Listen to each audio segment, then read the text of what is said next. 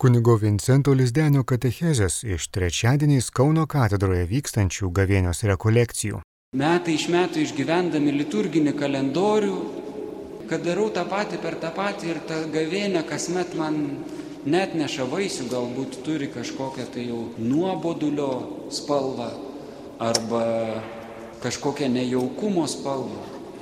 Yra tokia patirtis tikrai mūsų krikščionių katalikų gyvenime, einant per liturginės šventes, auginant savo tikėjimą, kad darau tą patį per tą patį, tiek gerus dalykus, tiek blogus dalykus.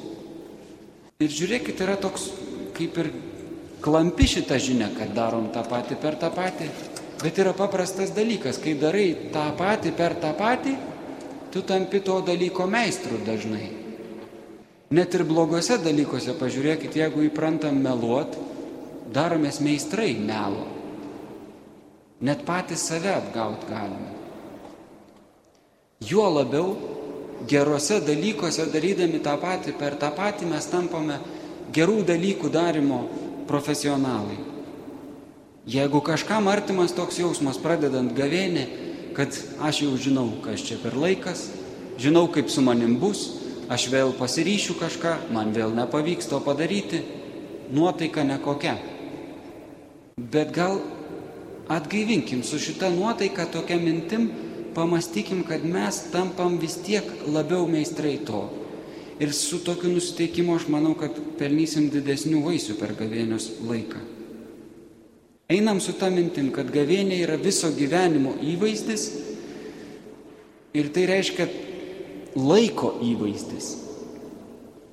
Popiežius Pranciškus pasitelkė apaštalo Pauliaus Galatams laiške pasakytus žodžius, kur šis apaštalas sako, tad kol turime laiko, darykime gerą visiems. Ir kada yra tas palankus laikas daryti gerą, atsakymas yra dabar. Ne rytoj, ne poryt, Ir per gavėnę mes ar advento laiką, kurį prieš kalėdas skiriam susikaupimui, permastymui, mes neturėtumėm išmastyti, kad va šituo laiku aš būnu tik geresnis. Nes šitas laikas mums nėra tik šitas laikas, bet mes atnaujinam žinia, kad visada yra toks laikas, kada darome gerą. Palankus laikas daryti gerą visiems yra dabar. Kitaip tariant, kai mūsų ištinka gavėnios laikas, reikėtų savo sakyti, kaip, žinot, kas nors užeina ir ar kažkas atsitinka ir mes kartais sakom, pačiu laiku. Neplanuotai mūsų ištinka, bet sakom, o, pačiu laiku atėjai, norėjau kažką su tavim sutarti. Atėjus gavėnios metui, reikėtų rasti savo širdį tokią žinę, pačiu laiku gavėnė atėjo. Man jie kartais būna tokia priešinga nuotaika kad, a, vėl gavėnė prasidėjo. Tai vis tik reikėtų perlaužti save ir galima būtų sakyti, pačiu laiku gavėnė, ypač susitikus su kažkokia slogesnė nuotaika. Labai svarbu pastebėti, čia jau ne popiežiaus mintis, bet taip bemastant kartu kyla. Jeigu mes sakom, kad gavėnė yra mūsų gyvenimo įvaizdis, viso gyvenimo, ir kad tai yra laiko įvaizdis. Kada paštalas Paulius sako, kad kol turime laiko, darykime gerą visiems. Labai svarbu pasakyti tokį paprastą sakinį, kad laikas yra Dievo dovana. Ir reiktų nepamiršti, kad net ir dabar, kai mes tiek savo kasdienybės ir liturginės kasdienybės esam surinkti čia, liturginio kalendoriaus kasdienybės, mus vėl pasitinka pelenų trečiadienis Tiek tuo, kad mūsų pasitinka pasaulio įvykiai mums artimi, mūsų širdis plyšta kartu, žvelgiant į tai, kas darosi Ukrainoje, ką agresorius ten daro, kaip kenčia žmonės, miršta, žūna. Mums nereikėtų pamiršti, išgyvenant ir šitos jausmus, kad ir šitas laikas yra Dievo dovana. Neteisingumas, žudimai ir kančia nėra Dievo dovana, bet laikas, kurį patiriame, kuriame būname, yra Dievo dovana. Ta labai svarbu nepamiršti. Šitas laikas irgi yra dovana. Popiežius Pranciškus savo enciklikoje Fratelli Tutti tokią paprastą mintį, bet irgi svarbu mums mastant apie gavėnę, apie laiką pasibrėžti. Jis sako, gėrio kaip ir meilės, teisingumo bei solidarumo negalima pasiekti vieną kartą visiems laikams. Juos reikia iškovoti kiekvieną dieną. Kitaip tariant, neįmanomas nuobodulys šitam darbe mūsų. Nes jis nėra padaromas iki galo. Mes pasiekiam ir vėl iš naujo siekim. Ir čia nesumaišykim, tai nėra neprasmingas Sizifo darbas ritinti kažkokią akmenį į kalną, kuris vėl nusiridena ir aš vėl jį ritinu. Kiekvienas darbas net ir meilės vardan. Kad būtų pasiekta meilė, net jeigu po to ir vėl ištinka nesėkmė, tas darbas nėra neprasmingas, kaip kokio akmens ridenimas į kalną ir kai akmuo nusiridena žemyn, tai viskas, ką prieš tai dariau, yra neprasminga. Ne. Tai, ką mums pavyko pasiekti meilės vardan, net jeigu mes ir vėl atsiduriam kartais žemiau negu buvom, nėra neprasminga. Mes nedarom kažkokio neprasmingo laiko prastumimo, dėl to, kad turime vis iš naujo iškovoti meilę, teisingumą ir solidarumą. Ir čia gavėnios laikas dar labiau išriškėja kaip dovana, nes mes visi kartu kaip bendruomenė iškeliam iš naujo šitą klausimą. Mūsų katekizmas mums sako, kad gavėnė yra ryškus bažnyčios atgailos metas. Ir čia pirmiausia reiktų pasakyti, kad yra ryškus tavo širdį. Nes yra malonu tikrai kviesti kitus į atgailą. Arba aš, pavyzdžiui, kartais net matau, kad va, šitam žmogui jau reiktų atgailos. Va kaip jis daro. Va koks jis yra. Šitiems žmonėms, šitai grupiai jau reiktų atgailos. Nereikėtų visai iš tokio dalyko juoktis, nes yra mūsų atsakomybė piktą darantį sudrausti. Bet vis dėlto šitas gavėnios laikas ryškus atgailos metas pirmiausia yra mano, kiekvieno iš mūsų širdyje Ir čia mes turim stiprų evangelinį perspėjimą, kad mūsų veidai turi šviesti. Šito laikų gavėnios mūsų veidas, dėl to, kad mes esam susikaupę, dėl to, kad atnaujinam savo santykių su Dievu ir su kitais žmonėmis, turi šviesti. Mums nėra leista būti paniurusiais ir nusivylusiais ar kažkaip susirūpinusių veidų. Savo asmeniniam susikaupime mes būnam susirūpinusių veidų. Vienas prieš vieną su Dievu likę mes matom savo ir žmonijos gyvenimo dramą ir būnam susirūpinę. Bet mums yra evangelinis perspėjimas, kad taip kaip mes esam pašaukti liudyti savo tikėjimą, turime tai daryti šviesių veidų. Tai nereiškia ignoruoti blogį. Bet ir dabar šito laiku, šiandien, kai mes melžiamės ypatingai už brolius ir sesės Ukrainoje kenčiančius. Mes turim išsaugoti šviesų vilties veidą. Kur vyksta gavėnė, kokia yra gavėnios erdvė, reikia papasakyti paprastai.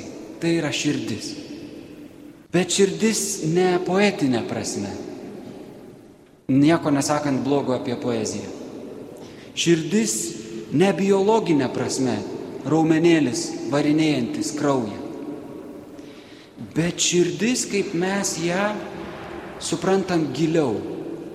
Ir tai nėra tik mūsų asmeninis nuopelnas, mes kaip civilizacija apie tai esam daug galvoję ir sakom, kai sakom širdis, mes turim gilesnę prasme.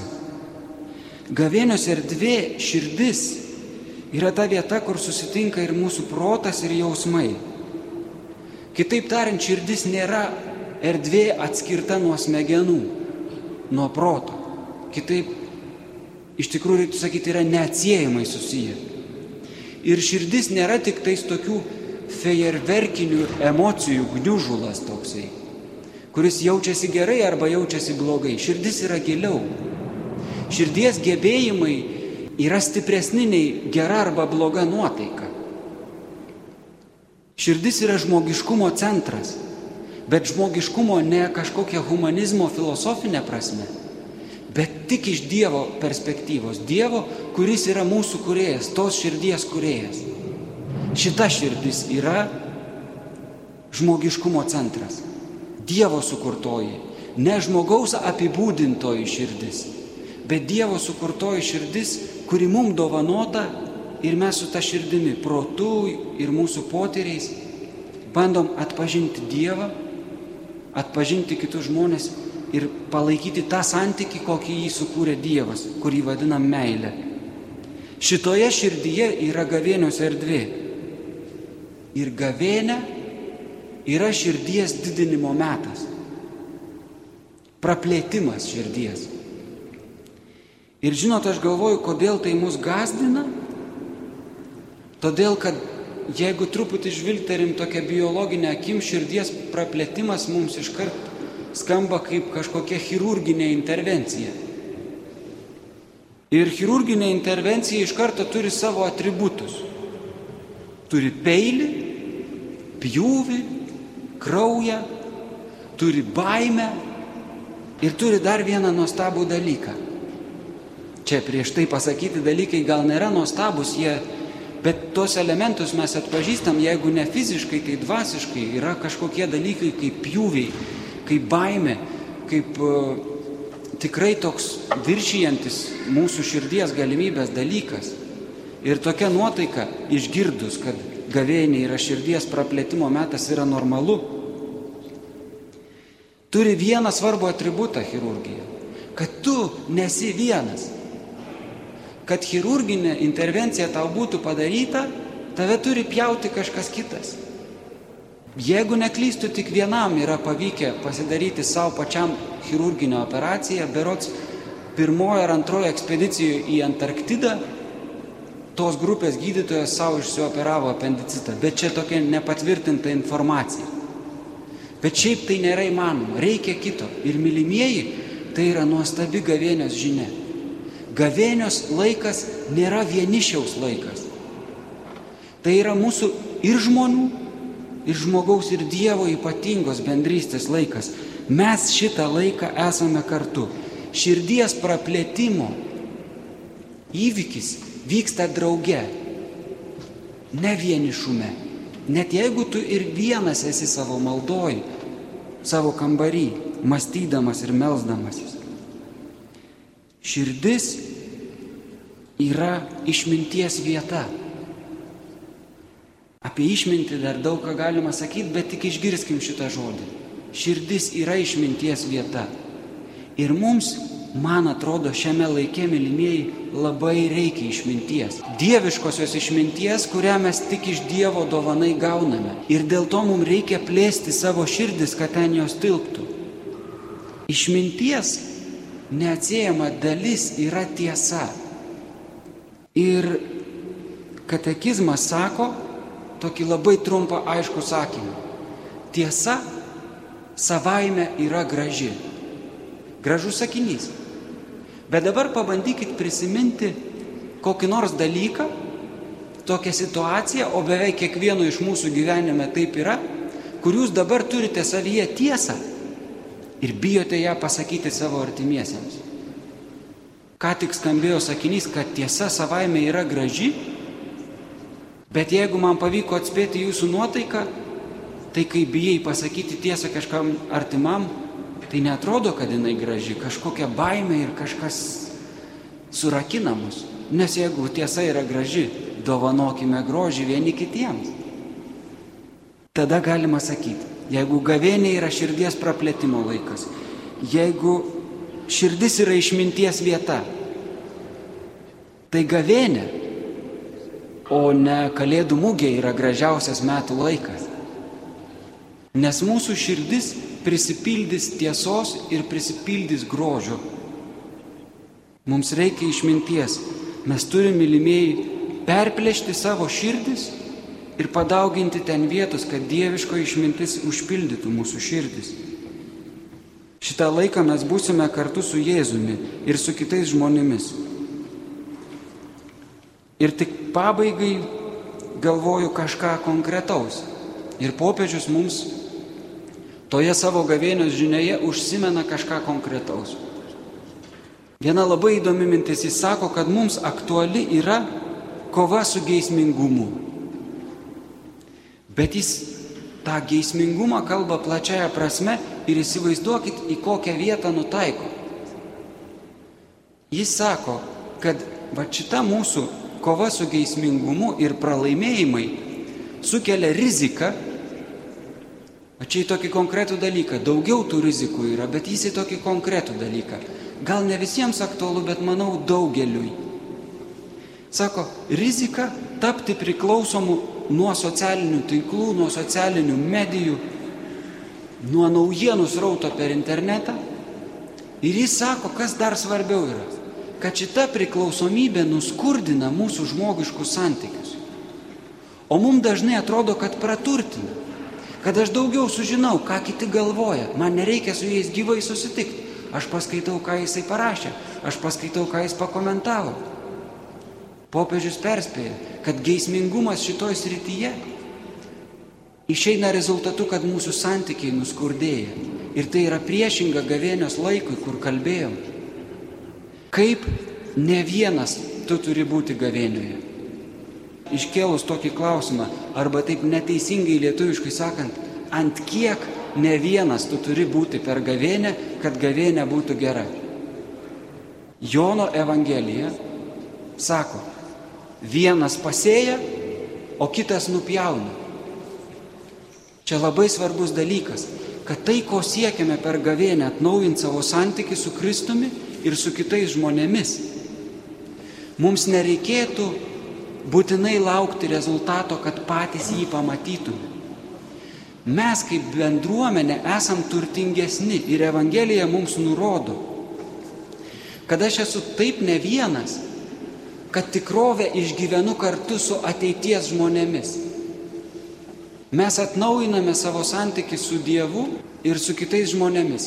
Mes kovojame tą kovą, kur popiežius Pranciškus savo enciklikoje perspėjo, kad dėl meilės, teisingumo ir solidarumo mes kasdien turime kautis, tai nėra kartai ir visiems laikams iškovojami dalykai.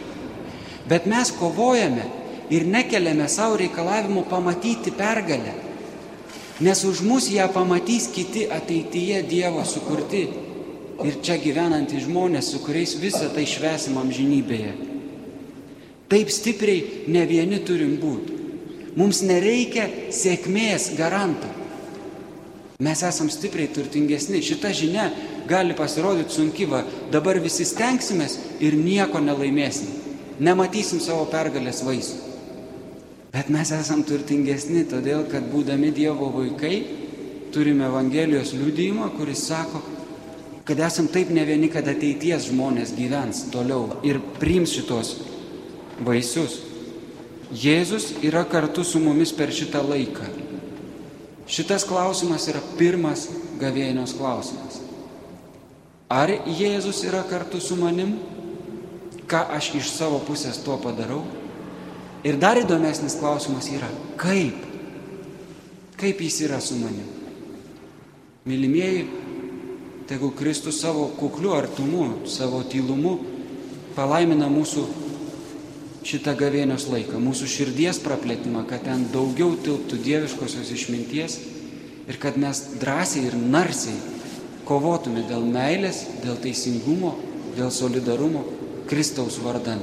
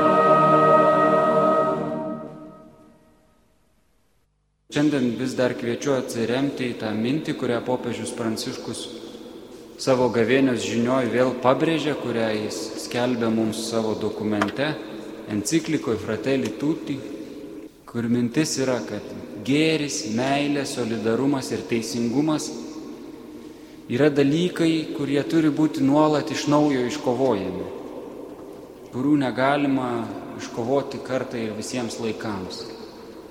Jis tai sako, žvelgdamas iš mūsų žmogišką tikrovę. Ir šiandien aš kviečiu, kad mes mąstytumėm apie gėrį. Atrodytų labai plati tema. Atrodytų, kad apie gėrį galim kalbėti tikrai visi, nesvarbu dėl pažiūrų ar tikėjimo. Ir tikrai mes čia visko nepasakysim ir nepamastysim, bet tik keletą dalykų apie gėrį kaip taip pat tokį reiškinį ir dalyką, dėl kurio popiežius mus kviečia ir įspėja, kad turim iškovoti iš naujo vis gėrį savo gyvenime. Įdomi mintis mūsų katalikų bažnyčios katekizme visada aišku kontekste, bet mes taip atsargiai pabandykim prie jos prisiliesti, ne, ne uždarom išvadom, bet šiek tiek.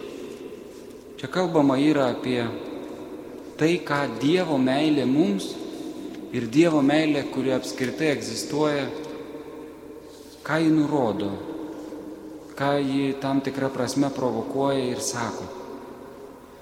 Kad tikrosios laimės nėra nei turtuose ar gerovėje, nei žmonių garbėje ar galybėje, nei jokioje žmogiškoje veikloje, moksle, technikoje ar mene, kad ir kokie vertingi jie būtų, nei jokiame kūrinyje, o vien Dieve visokio gėrio ir visokios meilės šaltinyje. Šiek tiek skandalingas yra šitas sakinys. Ir taip jisai savyje talpina irgi įtampą. Išskiria tokius du kraštutinumus, į kuriuos galima būtų nueiti. Bet įsivaizduokim, ką sako mūsų bažnyčios katekizmas, kad nėra tikrosios laimės tokiuose kasdieniuose mūsų dalykuose ir giliuose dalykuose įsivaizduokit menas paminimas. Menas, kuris yra labai plati savoka, bet kartu gelmė didžiulė. Tiek visuose darbuose, pasiekimuose žmonių nėra tikrosios laimės, bet kiek tai užima mūsų laiko. Mūsų darbai, mūsų rūpeščiai, net tokie, kuriais galėtumėm pasididžiuoti ne tai ir net tas pasididžiavimas nebūtų kažkoks blogas dalykas ar puikybė, bet tiesiog vat, pasididžiuoti kaip šalis, kaip kultūra, kad pasiekėme kažką. Ir sako katekizmas, kad čia nėra tikrosios laimės. Ir kad tikroji laimė, nepaisant visų šitų suminėtų dalykų vertingumo ir jų vertės, tikroji laimė vis tik yra tik ir vien Dieve kuris yra visokio gėrio ir visokios meilės šaltiniai. Kai šiandien bandom galvoti apie gėrį, tai paprastai iš naujo išgirti tokį teorinį sakinį, bet su juo pabūti ir leistis gilin. Kad Dievas ir kad vien Dievas yra visokio gėrio šaltinis. Šitas sakinys taip palieka mus nu, tokiai dramatiškai sumaiščiai.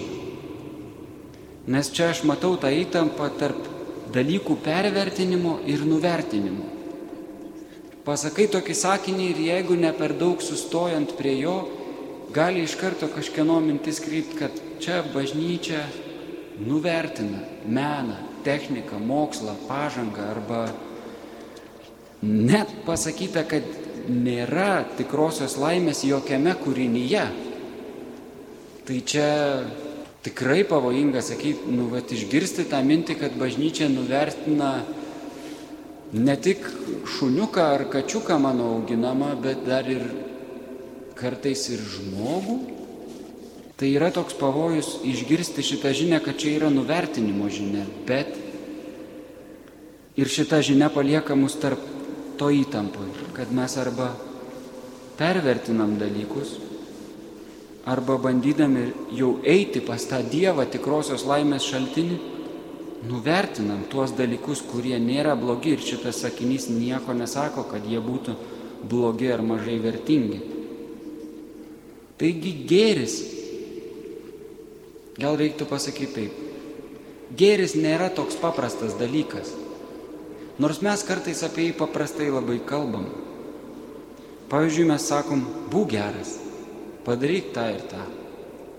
Toks visiškai būtinis sakinys, labai dažnai naudojamas.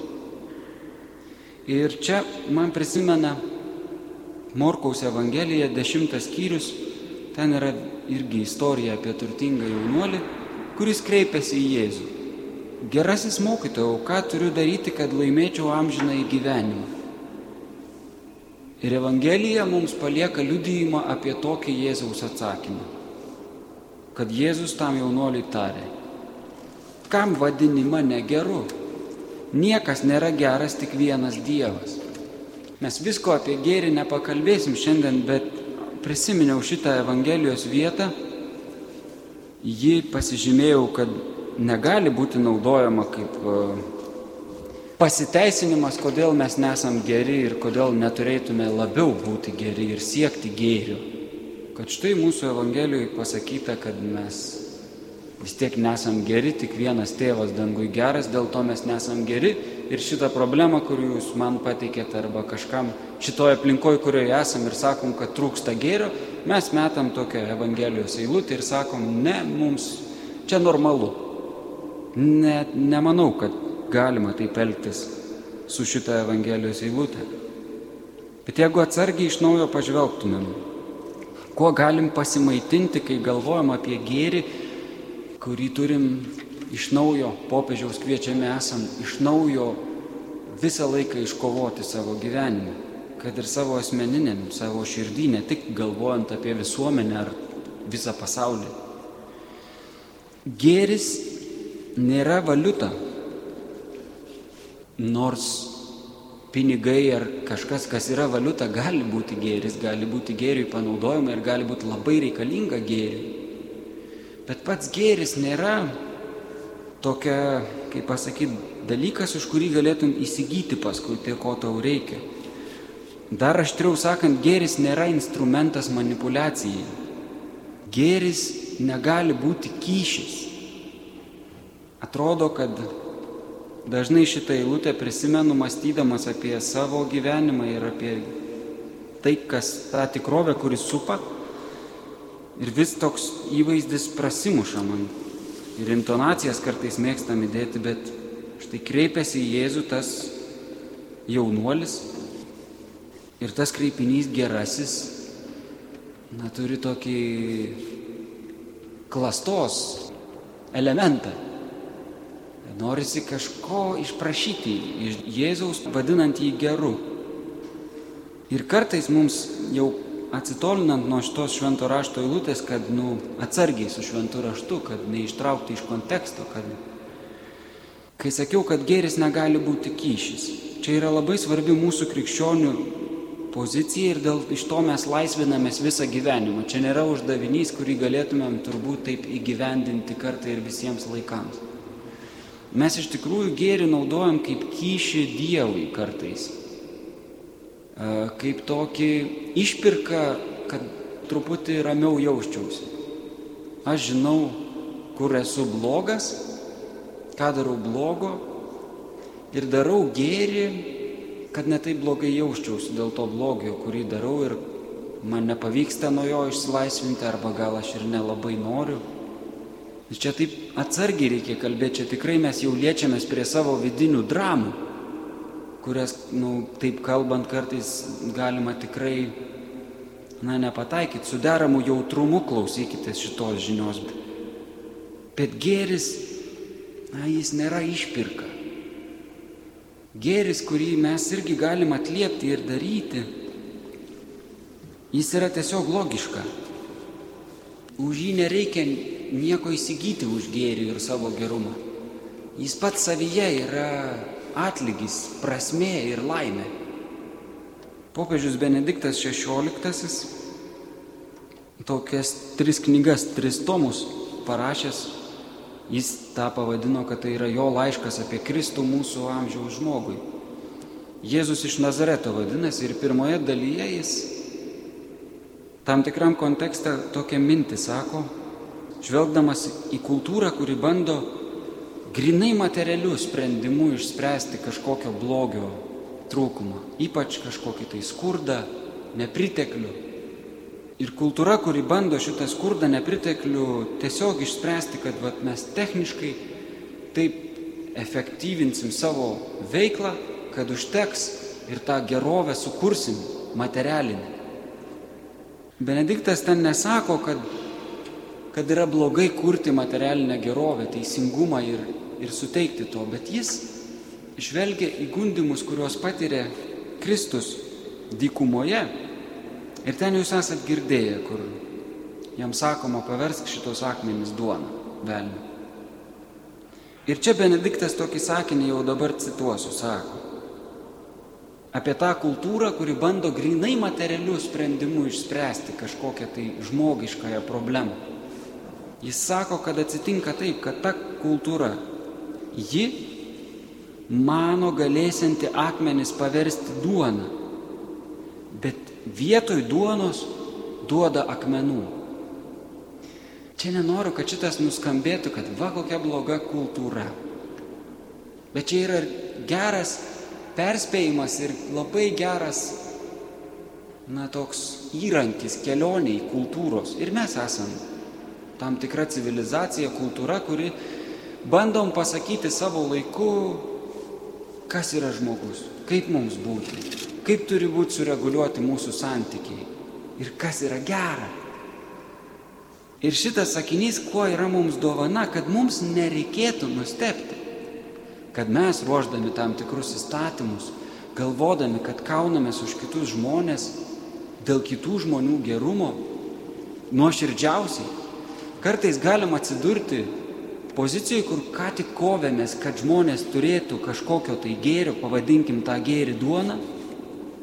Ir po visų mūsų pastangų rezultatas gaunasi, kad mes badą ir akmenį davėm tiem žmonėm. Čia labai rimtas dalykas. Ir ta mintis, kai Jėzus sako, kam mane vadini geru, irgi geras klausimas, kam save vadini geru. Ne dėl to, kad negali būti geras, šitas klausimas yra, bet kodėl laikai save geru, kodėl visuomenė, kodėl tu kultūra laikai save geru. Paklausti vis iš naujo ir iš naujo. Mes tą darom per gavėnę. Ne tik žvelgiam, kur aš esu, blogas. Mes žvelgiam, kaip aš esu geras. Ar tai iš tiesų sudera su tiesa ir prie ko prieinam. Tokia mintis. Gėris, na čia taip irgi atsargiai klausykitės, bet atrodytų, kad pirmiausia gėris yra tiesos, yra Dievo atspindys.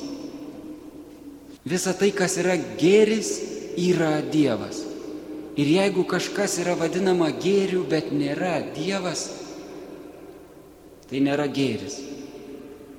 Ir jeigu mes tą kažką tariamai gerą bandom įtvirtinti ir dėl to kovoti, mes atsidursim toj situacijai, kur norėję duoti duonos tiems, kurie alksta, mes pamatom dienos pabaigoje, kad davėm akmenų. Dievas mūsų sukūrė taip, kad labai stipriai priartėja prie vienybės su Dievu. Ir čia didysis liepinys apie žmogų. Bet tik labai stipriai priartėja vienybėje su Dievu mes ne tik atspindime gėrį, bet su juo bendradarbiaudami kūrėme gėrį. Kiekvienas, kuris organizuoja bet kokį bendradarbiavimą, žino, kad geram bendradarbiavimui bet kokioj srity sukurti reikia labai daug laiko ir kuo daugiau tiesos tarp bendradarbių. Ir jeigu kažkokia kultūra bando kurti gėrį, bet skiria mažai laiko savo bendradarbiavimui su Dievu, ta kultūra atsiveria pavojui vietoj norėtos duonos duoti akmenų. Siaubingas dalykas. Dienos pabaigoje visą dieną kovojus, kad kažkas išeitų iš bado, čia mes alegorija. Daug temų, daug diskusijų visuomeniai galime kelti. Pabaigoje paaiškėja, kad tik akmenų duodam. Turbūt, mylimieji, mes kai žvelgiam dabar į gavėnę ir atgailos darbų prasme, kad tai irgi nėra mūsų toks atsiskaitimas už tai, kad buvom blogi. Atgailos darbai turbūt didesnį vaisių neša tai, kad mes patikim, kad galim artėti prie Dievo iš naujo. Ir Dievas mus tam kviečia. Kad mes galime atpažinti gėrį, Dievą ir tą gėrį bendradarbiaujant kurti su Dievu. Tai yra irgi nėra tiesiogiai išpirka bet yra tiesiog artėjimas prie Dievo ir nepasidavimas velnio minčiai, kad štai tu sugedęs ir tu nieko gero negali padaryti. Jau tiek kartų tu vietoj duonos prigaminai akmenų. Bet tokia mintis gal jums bus naudinga, kad atgailos darbų prasme arba gerų darbų prasme, jeigu kažkas klausytųsi šitos minties atsietai nuo tikėjimo praktikų, kad atgailos ir gerų darbų prasme atsiskleidžia tada, kai centre yra Dievas, o ne mano asmeninė dvasinė reputacija. Jeigu tai nėra tikinčiojo žmogaus svarstymas, tai vis tiek ta reputacija mus riša, kad aš prieš kitus žmonės vad galiu atsakingai pareikšti, aš esu geras. Ir tai, jeigu yra centras atgailos darbų arba gailestingumo darbų, gerų darbų, išsitrins prasmė ir atsidursim tam perspėjime, kurį Benediktas duoda. Ir galiausiai mums katalikams atgailos darbų prasmė skleidžiasi tada, kai tų atgailos darbų centras yra Dievas, tiesiog buvimas su juo, o ne mano dvasinė reputacija. Tai gali būti tik vidinis dalykas, niekaip nesusijęs su išorė. Vidinis dalykas. Aš tiesiog taip geriau jaučiuosi. Bet norėčiau pagryžti, kad iš šito mes laisvinamės ir lipam visą gyvenimą. Tai nėra, nu, tokia į paniką vedanti tragiška žinia. Taip nutinka. Galiausiai mes krikščionys turim pareigą išsaugoti viltį gėrio triumfu. Čia yra katekizmo žodžiai. Turiu omeny gėrio triumfas, tokia teologinė žinia, kad mūsų pozicija tai nėra optimizmas, tai nėra pozityvi mintis. Labai svarbu, kad išsaugoti viltį dėl gėrio triumfo galiausiai, net matant savo paties skilimus ir negebėjimą iš tikrųjų nuosekliai būti vienybėje su gėriu, tai nereiškia ignoruoti blogį, bet nebijoti iš to kylančios kančios ir šviesti, žvelgiant į tą, kuris yra mūsų šviesa, į Kristų. Ir tai, mylimieji, yra mūsų užduotis - išsaugoti viltį. Ypač didžiausiais suspaudimais. Žmonės tą turi matyti mūsų veiduose ir ta šviesa neteina iš mūsų. Jie ateina iš Dievo, kuris yra mūsų centre. Ir Dievas visose šitose kovose yra kartu su mumis kada mes bandom iš naujo ir iš naujo iškovoti gėrį. Girdėjote kunigo Vincento Lizdenio katechezę iš trečiadieniais Kauno arkikatedroje vykstančių gavėnios rekolekcijų.